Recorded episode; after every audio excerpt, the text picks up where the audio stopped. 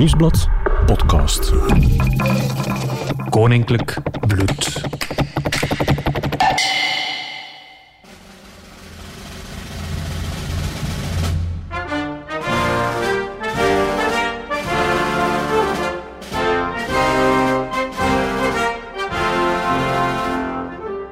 Dit is Koninklijk Bloed, een podcast over koning Filip en zijn bloedverwanten. Nu, we kennen allemaal die statieportretten. Eén grote, eendrachtige familie op de foto. Maar hoe is de band tussen koning Filip en zijn naasten nu eigenlijk echt? Wim de Hansgunter, royalty-expert van het Nieuwsblad, neemt u mee achter de muren van het paleis.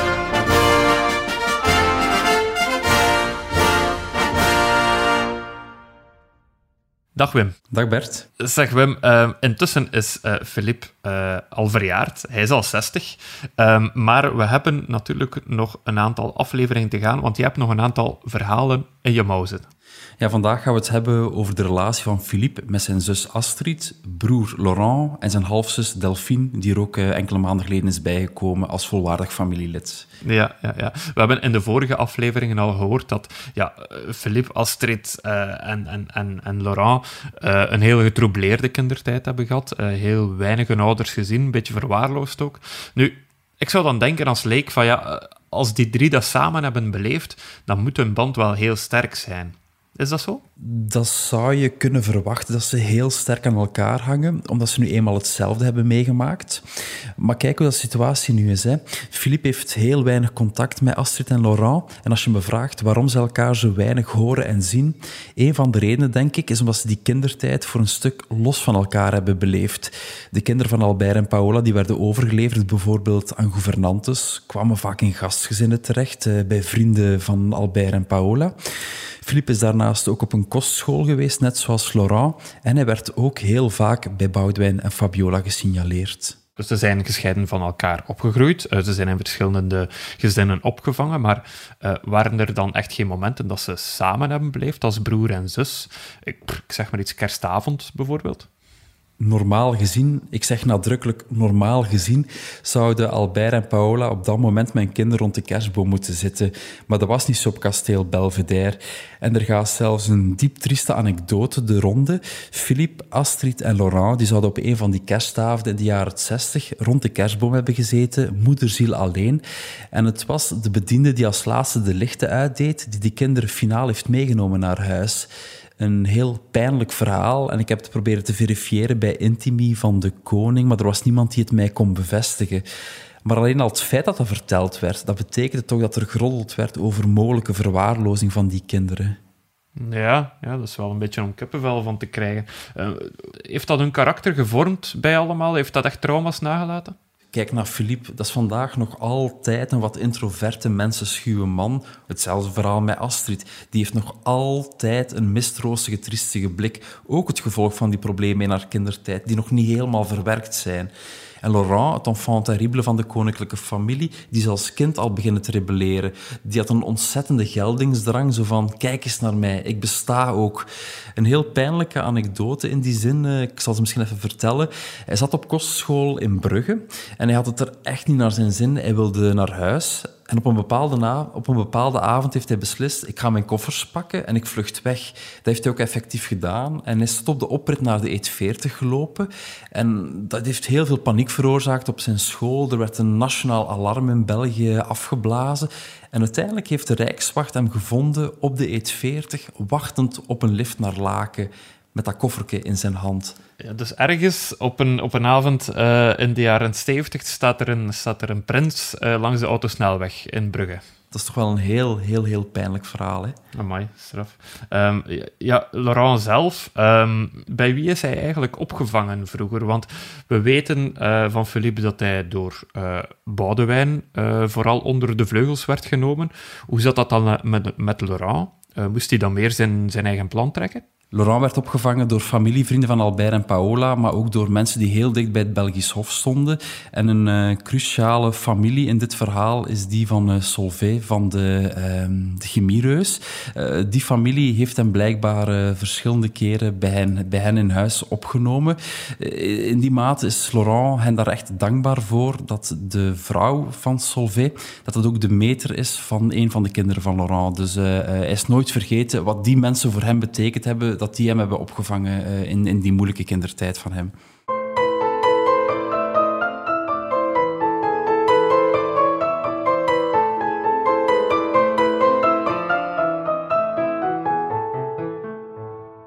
Terwijl Filip op dat moment eigenlijk echt al werd voorbereid om, om koning te worden uh, bij Boudewijn, um, zat Laurent dan ja, bij andere gastgezinnen, zoals je vertelt. Maar was Laurent daar jaloers op dat hij, ja, dat hij anders behandeld werd? Dat Philippe eigenlijk een soort van voorkeursbehandeling kreeg? Ik heb daarover een boeiend gesprek gevoerd met een intimus van uh, Laurent. En die maakte de vergelijking met een wielerpeloton, waarbij er knechten zijn en ook kopmannen. De kopman in dit geval was Philippe en de knecht Laurent. En die man die zei tegen mij, soms was de knecht sterker in de wedstrijd, maar hij mocht niet winnen. Hij bedoelde daar eigenlijk mee, Laurent die mocht niet te succesvol eh, zijn. Hij mocht niet te veel aandacht krijgen, niet te veel kansen, want daardoor zou Philippe eigenlijk verbleken. is dat zo gebeurd? Zijn daar voorbeelden van, van, van, van momenten waarop Laurent misschien even ja, een klein succesje had en dat hij dan werd teruggefloten door het Koningshuis? Laurent heeft op een gegeven moment een job, een stage kunnen scoren bij de Verenigde Naties in New York. Ja, ik denk, nu kan ik me eigenlijk eens eh, bewijzen als uh, prins, als student.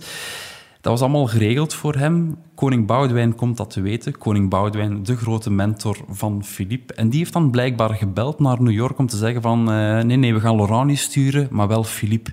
En op die manier heeft Laurent uh, toch ontdekt van... Ja, ja, ik mag niet te succesvol worden. Alle aandacht moet naar mijn broer gaan. En dat was wel een pijnlijk verhaal voor hem. Ja, nu je dat zegt... Uh, ja bij Laurent zie je vandaag nog altijd wel uh, dat hij inderdaad moeilijk zijn plaats vindt hè, in, in, in de familie en de maatschappij. Um, hoe komt het dat dat bij Laurent tot vandaag nog duurt? Hij is uiteindelijk al een eind in de 50. Uh, hoe komt het dat hij nog altijd het meest last heeft van dat trauma? Voor Laurent komt het goed uit. Ten eerste dat hij zijn ongelukkige kindertijd als een alibi kan gebruiken, nog altijd om zijn rebelse gedrag te rechtvaardigen. En ten tweede hij heeft er ook veel langer over gedaan om stabiliteit te vinden in zijn leven. Uh, kijk naar Astrid, die was begin de twintig toen dat zij trouwde met uh. Ik ga u eerst even meenemen, Bert, naar 1984. Dan wordt haar huwelijk met Lorenz ingezegend door kardinaal Daneels. Astrid, zijt gij bereid als gehuwde uw man lief te hebben en hem te waarderen, al de dagen van uw leven? Ja. En na dat huwelijk begint ze heel snel aan een gezin en krijgt zij vijf kinderen. Dus ze kan heel snel de warmte vinden die zij als kind heeft gemist. En wat gebeurt er met Philippe en Laurent? Die zijn eind de dertig pas als zij een vrouw vinden en ook aan een uh, gezin kunnen beginnen. Uh, dus het is eigenlijk pas op het moment dat ze trouwen, alle drie die kinderen, zowel Astrid als Philippe als Laurent, um, dat ze eigenlijk een beetje dat trauma beginnen verwerken. Voordien stonden ze er helemaal alleen voor, maar vanaf dat ze een partner hebben, kunnen ze toch wel uh, um, veel goed maken wat ze in hun kindertijd hebben gemist. En zeker bij Laurent was dat heel duidelijk merkbaar. Hè. Eh, wat je misschien nog van die trouw herinnert, dat was de aanwezigheid van Père Gilbert, de Franse rockpriester. En hij heeft het huwelijk ingezegend. Ja, ja, ja, ja. fantastisch figuur. Laurent, je bent het laatste kuiken dat het nest verlaat na Astrid en Philippe. Ja, wat ik mij ook nog herinner van die Père Gilbert, heeft hij uh, zo geen fantastische bijbelse tekst, de parabel van de verloren zoon, heeft hij dan niet op die, op die trouw uh, vermeld? Dat je dat nog herinnert, eh, Bert. Dat was inderdaad het verhaal van de verloren zoon. Uh, een jongen die werd uh, verstoten door zijn eigen vader. Dat is heel herkenbaar natuurlijk voor zowel Albert als Laurent. En het verhaal ging als volgt. De verstoten zoon die wilde terugkeren naar huis. En hij wist alleen maar of hij welkom was als er aan dat ouderlijke huis een wit lint zou hangen. En tot zijn eigen verbazing hing de hele oprijlaan vol met honderden linten. Alleen, dat is niet herkenbaar voor Laurent, want die witte linten hebben nooit aan het paleis in Brussel uitgehangen. Helaas, het is misschien nog een ideetje voor Albert. Misschien kan hij het zo nog goed maken, inderdaad.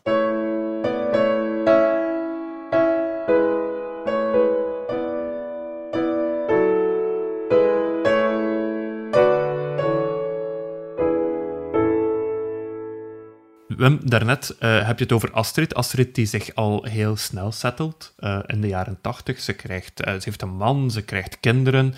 En op dat moment is het een beetje picture perfect. Hè? Um, ik kan me nog herinneren dat, um, dat zij toen heel populair was en dat er toen heel veel mensen zich afvroegen, ja, waarom maken we die Astrid niet gewoon koningin? Want die heeft het allemaal voor elkaar. Met dat scenario is ook ernstig rekening gehouden, maar daarvoor moesten begin jaren 90 de regels gewijzigd worden.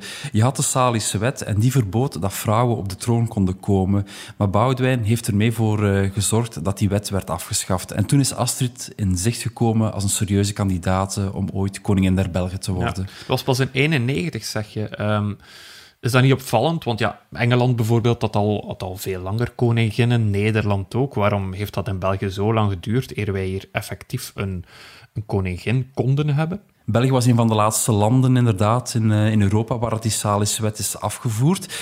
Maar jarenlang heeft Boudewijn niet de noodzaak gevoeld van uh, ja, waarom zouden wij vrouwen op de troon moeten krijgen. Er waren heel veel vrouwelijke parlementsleden die wel vonden dat die regels moesten gewijzigd worden. Boudewijn vond van niet. Begin jaren 90 zat je dan met de situatie dat Albert de eerste in de lijn van de troonopvolging was. Maar ja, die had al een bepaalde leeftijd. Philippe die was de tweede, die was al dik in de dertig, maar had nog geen nageslacht uh, gemaakt. Die had zelfs nog geen vrouw. Dus er werden ook al vragen bijgesteld van de toekomst van de Belgische monarchie verzekerd.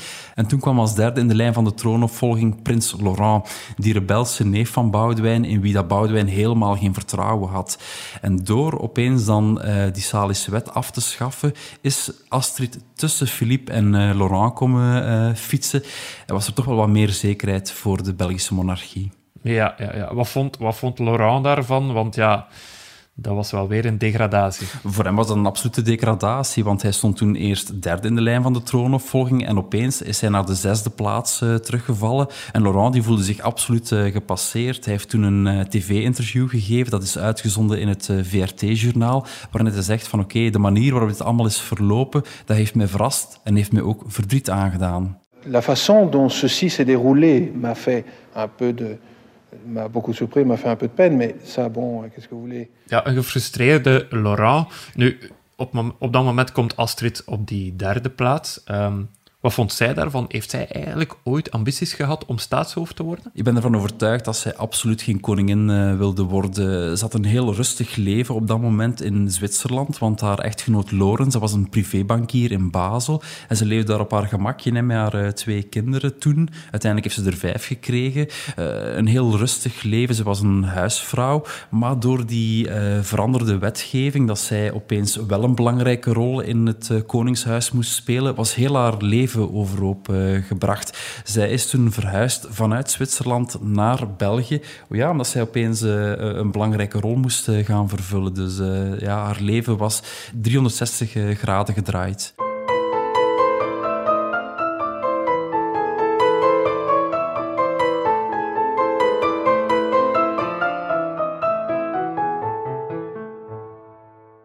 Ja, we hebben uiteindelijk heel veel discussie voor niks, want uh, zoals we allemaal weten, in 2013 wordt Filip gewoon koning. En um, ja, vanaf dan deelt hij de lakens uit. Um, hoe heeft hij dat eigenlijk gedaan? Uh, heeft, hij, heeft hij zijn broer en zijn zus andere rollen gegeven op dat moment? Direct na zijn troonsbestijging heeft hij tegen zijn familie duidelijk gemaakt, we gaan er tegenaan. Hij had heel gezonde ambities. Hij wou de eendracht, de eenheid binnen de koninklijke familie herstellen.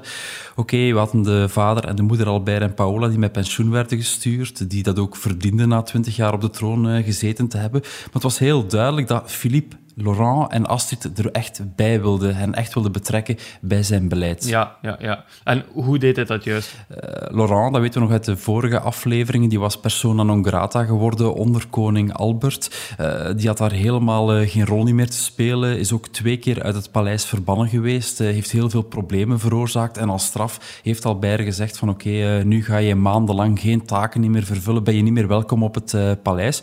Maar Philippe die dacht, ik kan die Laurent wel gebruiken, want er gaat heel veel werk werk op ons afkomen. We gaan heel veel activiteiten moeten vervullen. En uh, ik kan dat niet alleen samen met uh, Mathilde doen. Ik heb Laurent ook nodig. Ja, waar is hij zo overal ten tonele verschenen dan, Laurent? Uh, Laurent die moest dus de filmpremières doen. Um, als er een groot gala was, daarvoor was hij de geknipte figuur. Hè, want Laurent, dat is de showbiz-prins bij uitstek. Ja. Die kun je naar autosalons sturen. ik herinner me dat hij ook naar een tentoonstelling van Lego is geweest. Um, dus eigenlijk alle leuke activiteiten die kwamen wel bij hem terecht. Ja, ja, ja. maar Wendy van Wanten, dat was geen optie meer uh, in die rol.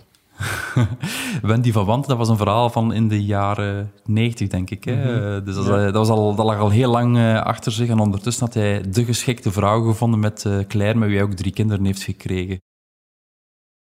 Ja, je zegt Laurent geniet van zijn rol die eerste maanden, maar ja, we weten allemaal, uh, ook van de vorige aflevering nog en ja, uit, de recente anekdotes, dat het niet blijft duren. Hè? Dat Laurent uh, ook af en toe weer uh, het ene schandaal na het andere uitlokt. Terwijl het allemaal zo goed begonnen was, en Laurent had ook zijn vertrouwen uitgesproken, en Philippe heeft duidelijk gezegd van, ik, ik ben blij dat hij mij deze kans geeft.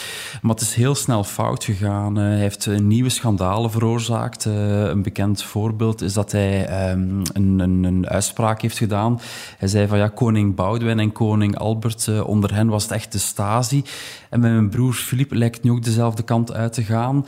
Uh, hij is ook bijvoorbeeld uh, verschenen op een feestje van het Chinese volksleger op de ambassade van, van China in Brussel. het probleem daarbij was dat hij geen toestemming daarvoor gevraagd had aan het paleis, aan koning Philippe en ook niet aan de regering. En daardoor is heel de discussie gekomen van moeten we zo'n man nog een dotatie geven. Uiteindelijk is hij er ook voor uh, bestraft voor die misstap. Heeft hij een deel van zijn dotatie moeten, uh, moeten afstaan. Herinner ook nog het verhaal dat hij in uh, kunstmatige coma is beland. Ja. dus het is heel snel bergaf gegaan met Laurent. Ja, die coma, weten we eigenlijk al exact wat er aan de hand was? Er zijn allerlei verhalen die daarover de ronde doen. Um, het ene gaat dat hij een longontsteking had. Het andere is dat hij uh, depressief was of een burn-out had. Heeft hij ooit al eens gehad in de jaren 90. Toen is hij ook uh, in het uh, ziekenhuis daarvoor beland. Dus we weten dat hij heel vaak of af en toe toch een labiele persoonlijkheid heeft. Ja, ja, ja. Nu, het, is opvallend dat hij dat deed, hè, Wim. Want, zoals je zegt, hij had eerherstel gekregen. Hij had een mooie rol gekregen. Hij was de showbiz-prins. Een, een rol die hem eigenlijk op het lijf geschreven was. Ja, dat, dan vraag ik me af, ja, hoe komt het dat, hij, dat die schandalen dan toch weer redelijk snel volgen? Is dat gewoon de rebel in Laurent die zegt van, hey, niet met mij, ik ga mijn eigen weg? Laurent blijft natuurlijk uh, Laurent. Je ziet ook wat er bijvoorbeeld gebeurd is op verschillende nationale feestdagen. Uh, als hij daar op zijn uh, troon zit of op zijn stoel in de tribune. Hij kan het niet laten om zijn smartphone uit zijn zak te halen, om sms'jes te beginnen, te beginnen versturen als daar een militaire parade bezig is. Dus hij is heel moeilijk in de hand te houden. Zelfs Laurent is Laurent. Ja. Dat is mijn conclusie. Ja, oké. Okay. Helaas niet al te veel meer aan te doen voor Philippe. Hoe, hoe probeert Philippe hem nu eigenlijk in het gareel te houden? De stok die Philippe achter de hand heeft, is geld, de dotatie van uh, Laurent. Hij krijgt elk jaar een dikke 300.000 euro. En daar zijn in principe een aantal voorwaarden aangekoppeld. De belangrijkste daarvan is onder meer gedraag je. Uh, zorg ervoor dat je geen fouten uh, begaat. Eén keer, ik heb het er net al verteld, is hij een deel van zijn dotatie kwijtgeraakt, omdat hij niet de, de afspraak was nagekomen om belangrijke afspraken met buitenlandse diplomaten, om, om, om daarover toestemming te vragen. Wat is er dan gebeurd? Oké, okay, hij moest een deel van zijn dotatie inleveren. Ja, ja, ja en dat heeft pijn gedaan, uh, blijkbaar. Nu, langs de andere kant is er Astrid. Terwijl Laurent elke maand wel eens in de krant verschijnt met een of ander schandaal of even een of andere foto. Um, ja, Astrid die zien we zo weinig de laatste tijd. Ja, welke rol heeft zij eigenlijk gekregen van koning Filip? Filip was in de periode dat hij kroonprins was, dus van 1993 tot 2013, 20 jaar lang de leider van de Belgische handelsmissies. Als koning kon hij die rol niet meer opnemen en moest hij vervanging zoeken. En die heeft hij gevonden in prinses Astrid. Dus dat is eigenlijk de belangrijkste taak die zij nu heeft. En vindt ze dat leuk? In het begin vond ze dat absoluut niet... Uh, misschien niet leuk is het verkeerde woord, maar ze vond die rol niet echt op haar lijf geschreven. Want ze heeft geen economische bagage. Ze heeft die kennis niet. En um, omdat ze die rol ook opgedrongen voelde, was ze daar toch ook niet echt helemaal over te spreken uh, in het begin. Nee. Is, ja, dat is moeilijk in te schatten voor een leek, vind ik. Hoe de relatie tussen Philippe en Astrid uh, nu is. Je zei daarnet al van, ja, er waren spanningen in de jaren 90. Philippe voelde de heet adem van zijn zus in de nek als het ging over, ja, over de troonsopvolging. Um, nu hij koning is, is dat allemaal wat bekoeld of is er toch nog altijd enige spanning? Als ik aan Astrid denk, dan denk ik aan een heel plichtsbewuste prinses. Het is zoals met die handelsmissies. Hè. Eh, ze vond dat die rol niet echt op haar lijf geschreven was, maar ze heeft het gedaan omdat ze gewoon doordrongen was van het feit het koningshuis, dat moet blijven uh, doordraaien. En als ik mijn steentje kan bijdragen, dan ga ik dat ook wel doen. Maar op een gegeven moment heeft ze ook laten blijken, oké, ik ben het daar niet helemaal mee eens met het beleid op het paleis. En wat heeft ze gedaan op een van de nationale feestdagen? Dat was in 2017 um, heeft ze gezegd, ik kom niet naar de Nationale Feestdag. En uiteindelijk bleek dan dat ze naar een volksdansevenement moest gaan in Namen. Een heel vreemde uitleg, want uiteindelijk, je weet perfect, de Nationale Feestdag, 21 juli, dan word ik daar verwacht. Nationale Feestdag uh, in 2018 is op 21 juli, in 2019 op 21 juli. Dus je kunt moeilijk zeggen dat je niet wist dat je die dag verwacht werd in Brussel. Nee, maar ik ben zelf nog nooit gaan volksdansen in Namen. Misschien is dat ook wel iets onvergetelijks. Uh, dat zou best wel eens kunnen, maar uh, als prins of prinses, lid van de koninklijke familie, word je op 21 juli toch echt wel op die nationale feestdag in, uh, in Brussel verwacht. Net zoals dat je weet, 15 november, Koningsdag, dat moet ik ook in Brussel zijn. Moet ik present zijn voor het Belgisch Koningshuis. Geen excuus mogelijk.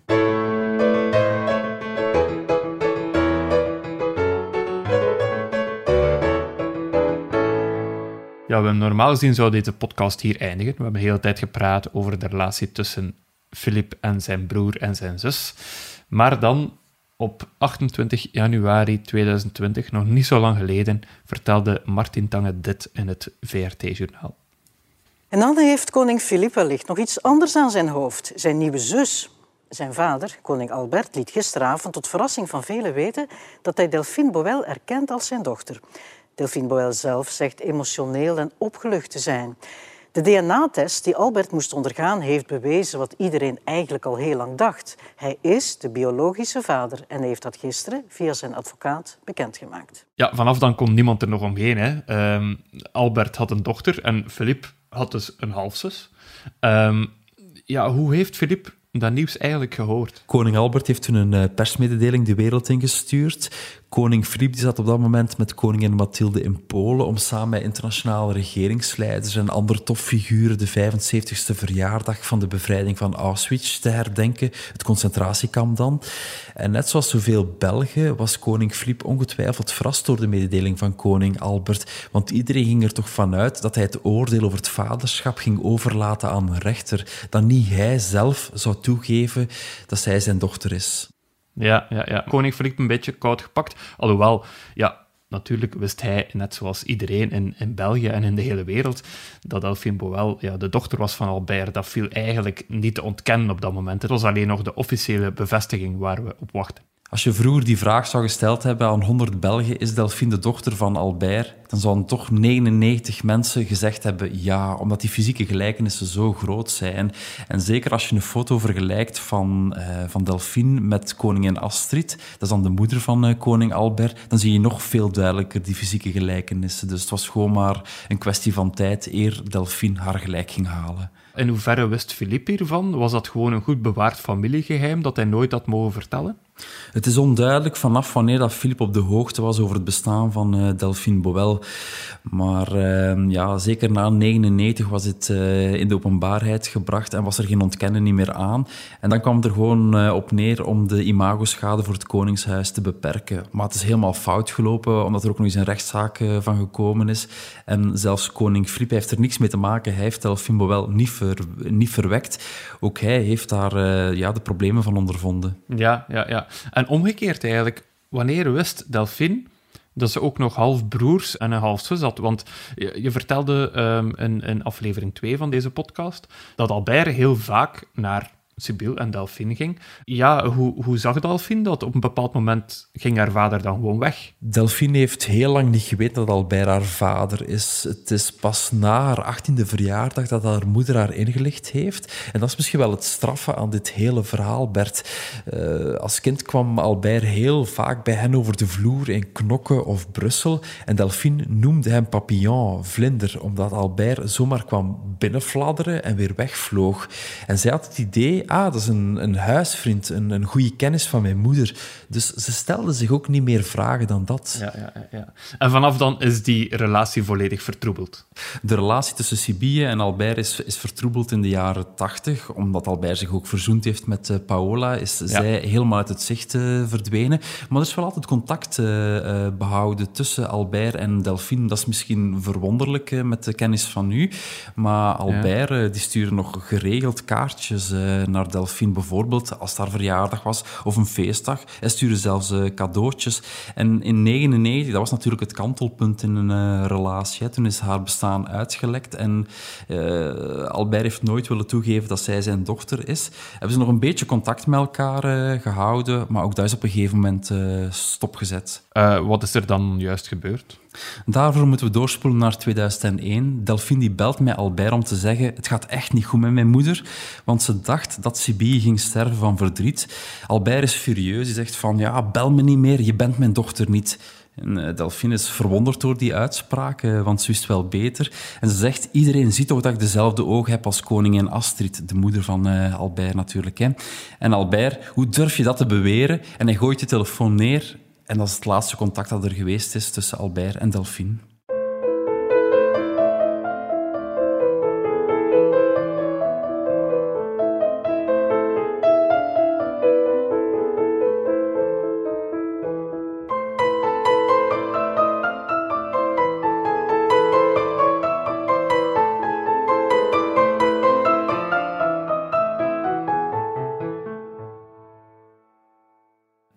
Heeft ze sindsdien echt nooit meer van hem gehoord. Hè? Want zelfs um, enkele maanden geleden, toen dan die officiële erkenning kwam, ja, dan heeft ze het nog niet rechtstreeks via, haar vader gehoord. Dan, uh, dan kwam dat gewoon in een heel droog persbericht. Delphine heeft het via de media gehoord. En op hoe een kille manier kun je eigenlijk vernemen dat je vader je vader is. En ook de bewoordingen die Albert gebruikt in zijn perscommuniqué, um, ja, die zijn echt wel heel sec.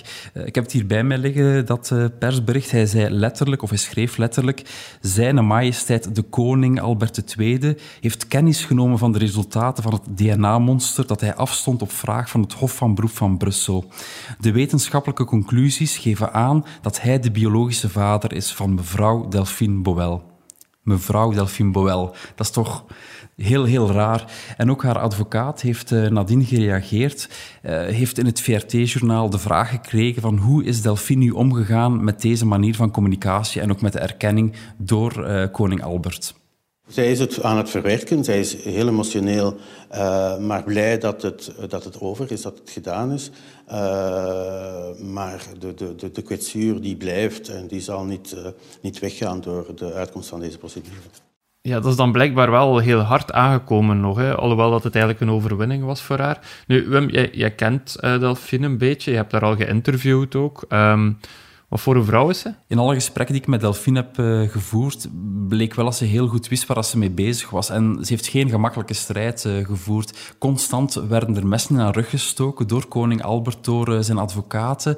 ze heeft jarenlang, jarenlang zag er naar uit dat zij deze strijd onmogelijk kon winnen, want zij was toch aan het vechten tegen het staatshoofd van België, of het vroegere staatshoofd. Maar ze, ze was gewoon super volhardend en ik heb wel heel veel bewondering voor haar gekregen ook omdat je wist van, uh, ze heeft gewoon gelijk. De fysieke gelijkenissen zijn te treffend. En uh, ja, het was wel een heel mooie overwinning voor haar. Nu, ik ga even advocaat van de duivel spelen. Uh, qua tongen beweerden, ja, ze doet dit voor het geld dan heeft ze wel een heel idiote beslissing genomen door het vaderschap van koning Albert te claimen. Want ze had eigenlijk al een uh, vader en dat was Jacques Boel. Dat was de man met wie haar moeder Sibylle heel lang samen is geweest. Die heeft daar ook geadopteerd. En uh, die Jacques Boel was een rijke industrieel, een van de rijkste, meest vermogende Belgen die, uh, die er zijn. En die heeft een fortuin dat waarschijnlijk tien keer zo groot is dan koning Albert. Plus, ze zou ook de enige erfgename zijn van Jacques Boel. Nu moet ze het kleinere fortuin alleszins al, het kleinere fortuin uh, delen met Philippe, Astrid en Laurent. Dus het moet gedeeld door vieren gaan. Dus uh, een heel slechte beslissing als het voor het geld zou doen. Ja, ja, ja. Nu, je het hebt over, over um, ja, haar halfbroers en, en haar halfzus. Ja, je kent Philippe ook. Zouden die twee eigenlijk in een andere wereld goed overeengekomen zijn? Delphine. In eerste instantie zou ik denken nee, omdat hun karakters toch totaal verschillend zijn. Delphine is wat je je voorstelt bij een kunstenares. Een onafhankelijke vrouw die vrij in de wereld staat, kan doen en laten wat ze wilt.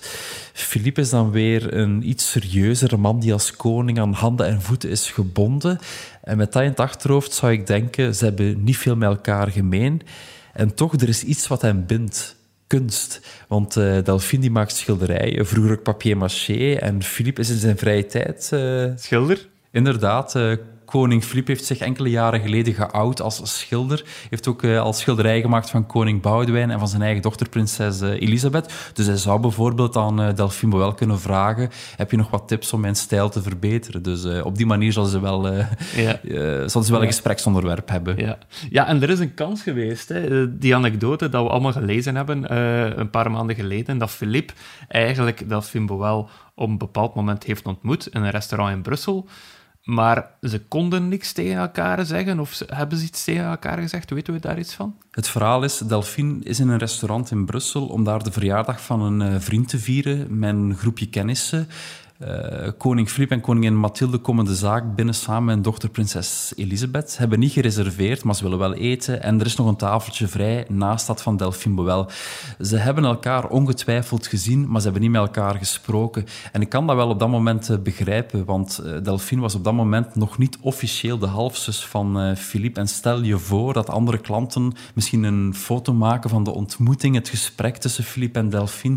Stel je voor dat die beelden zouden naar buiten zouden komen. Het zou groot nieuws zijn, het zou voorpagina nieuws zijn uh, in alle kranten. Dus dat was eigenlijk onmogelijk. Maar ondertussen, de situatie is wel veranderd. Hè. Er is die officiële erkenning van uh, Delphine. Zij is nu officieel de halfzus van Philippe. Dus in het vervolg heeft Philippe geen excuus niet meer om niet met haar te praten. Is het denkbaar dat Philippe haar op een of andere manier een rol geeft in het Koningshuis? Dan is eigenlijk de vraag, gaat zij officiële activiteiten vervullen? Gaat zij een titel krijgen van prinses van België? Dat gaat waarschijnlijk niet het geval zijn. En dat is ook niet iets waar dat Delphine op aast. Zij wil niet, um, zij wil niet op statieportretten staan of activiteiten vervullen, op de Nationale Feestdag uitgenodigd worden. Ze wilde gewoon alleen maar die erkenning krijgen, um, die erkenning krijgen van koning Albert. En ook haar advocaat heeft in het VRT-journaal daar een uitspraak over gedaan waar dat ze juist op uit was. Wij vroegen enkel dat hij publiekelijk zou erkennen dat hij de vader is van, van Delphine.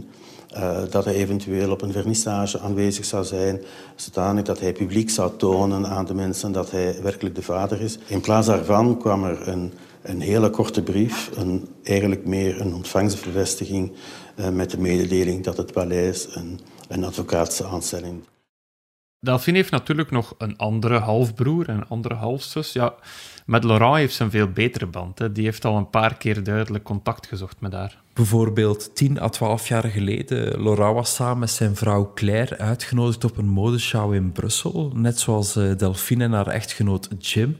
En op de receptie achteraf ontmoeten ze elkaar en Laurent laat zich ostentatief filmen door een cameraploeg. Dus die ontmoeting is vastgelegd. En ik kan me wel al voorstellen wat dat heeft teweeggebracht bij, uh, bij koning Albert, dat hij die beelden zag. Maar Laurent heeft ook op andere manieren geprobeerd om zijn vader te schofferen door Delphine erbij te betrekken. Uh, vlak voor het uitlekken van haar bestaan verschijnt er een heel onschuldige foto van Delphine in Point de Vue. Laurent weet al wie dat ze is. Uh, Point de Vue is trouwens een uh, blad dat veel gelezen wordt in de betere kringen in Frankrijk en België. En hij vindt er niks beter op dan een hele stapel van die tijdschriften te kopen en overal te verspreiden in het Koninklijk Paleis tot in het toilet toe. En dan met die pagina op, opengeslagen waarop het die foto staat. Dus uh, ja, het kot was ongetwijfeld te klein daar in het uh, in Ja, ik had een love hem. Hè. Laurent eigenlijk allee, heeft toch een speciaal gevoel voor, uh, voor humor.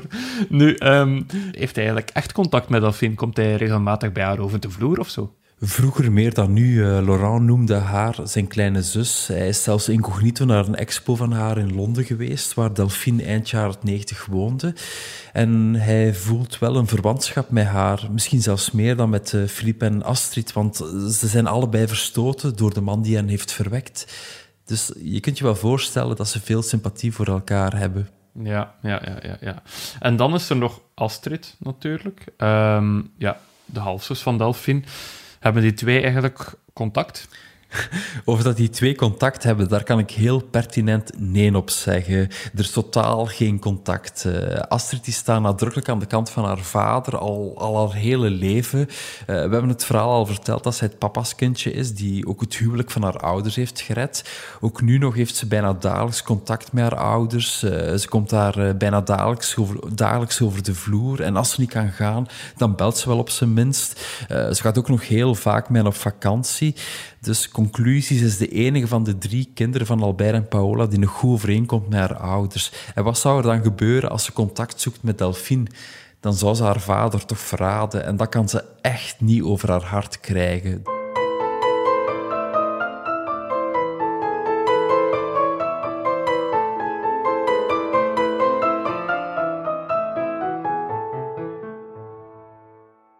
Ja, als je dat eens allemaal samenvat, hè, Astrid die wegblijft van ehm, de Nationale Feestdag omdat ze moet gaan volksdansen, Laurent die daar een beetje achterloos op zijn gsm zit te tokkelen, Albert en Paola die eigenlijk gewoon niet meer naar de Nationale Feestdag komen.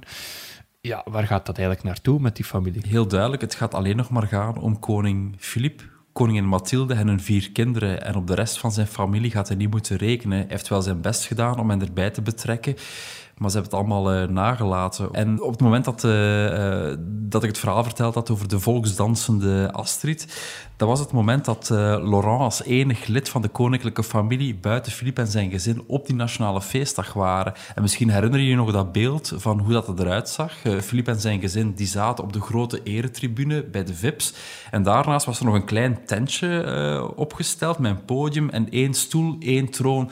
En daar zat prins Laurent helemaal alleen op op. Moederziel is alleen. Dat was zo'n treurig beeld, maar dat was wel, uh, het was wel heel duidelijk van, oké, dat is wel de manier waarop, waarop dat koning Filip de monarchie ziet. Alles draait rond de hoofdrolspelers, Filip, Mathilde en onze vier kinderen, en de rest, dat zijn allemaal edelfiguranten. Ja, dat is wel straf, want dat breekt toch een beetje met, met het beeld uh, van de traditionele koninklijke familie. We kennen allemaal die grote foto's waar één grote familie op staat, perfect uitgedost.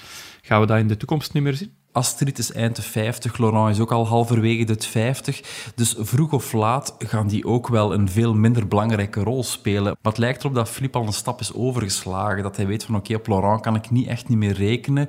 En ja, Astrid die gaat nog een paar jaar die handelsmissies leiden. Maar dan komt mijn dochter, prinses Elisabeth, in beeld. Gaat zij een actieve kroonprinses worden. En dan gaat zij die taak overnemen van uh, Astrid. Prinses Elisabeth die gaat natuurlijk aan bod komen in de laatste aflevering. Ja, die komt binnenkort aan bod. Dan gaat het gaan over de kinderen en ook over de toekomst van uh, ons koningshuis. Nu, Wim, tot dan blijf jij waarschijnlijk ook nog altijd in je kot zitten in Antwerpen. En voor mij geldt hetzelfde hier in Gent. Wij kunnen nergens naartoe. Hè. Nee, we kunnen naar onze eigen podcast luisteren hè, of naar enkele andere interessante van het nieuwsblad. En je hebt dan een aantal suggesties waarschijnlijk. Zo hoor ik het graag. Wat een perfect bruggetje, Wim.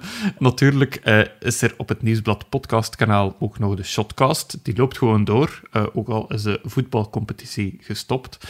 En daarnaast, voor de wielerliefhebbers, ja, die kunnen natuurlijk nog afleveringen van De Koers is van ons herbeluisteren. En liefhebbers van juridische verhalen, die kunnen luisteren naar Stemmen van Assisen. En voor wie graag een dagelijkse actuele podcast hoort, daar maken we graag nog reclame voor onze collega's van De Standaard. Die brengen dagelijks DS Audio.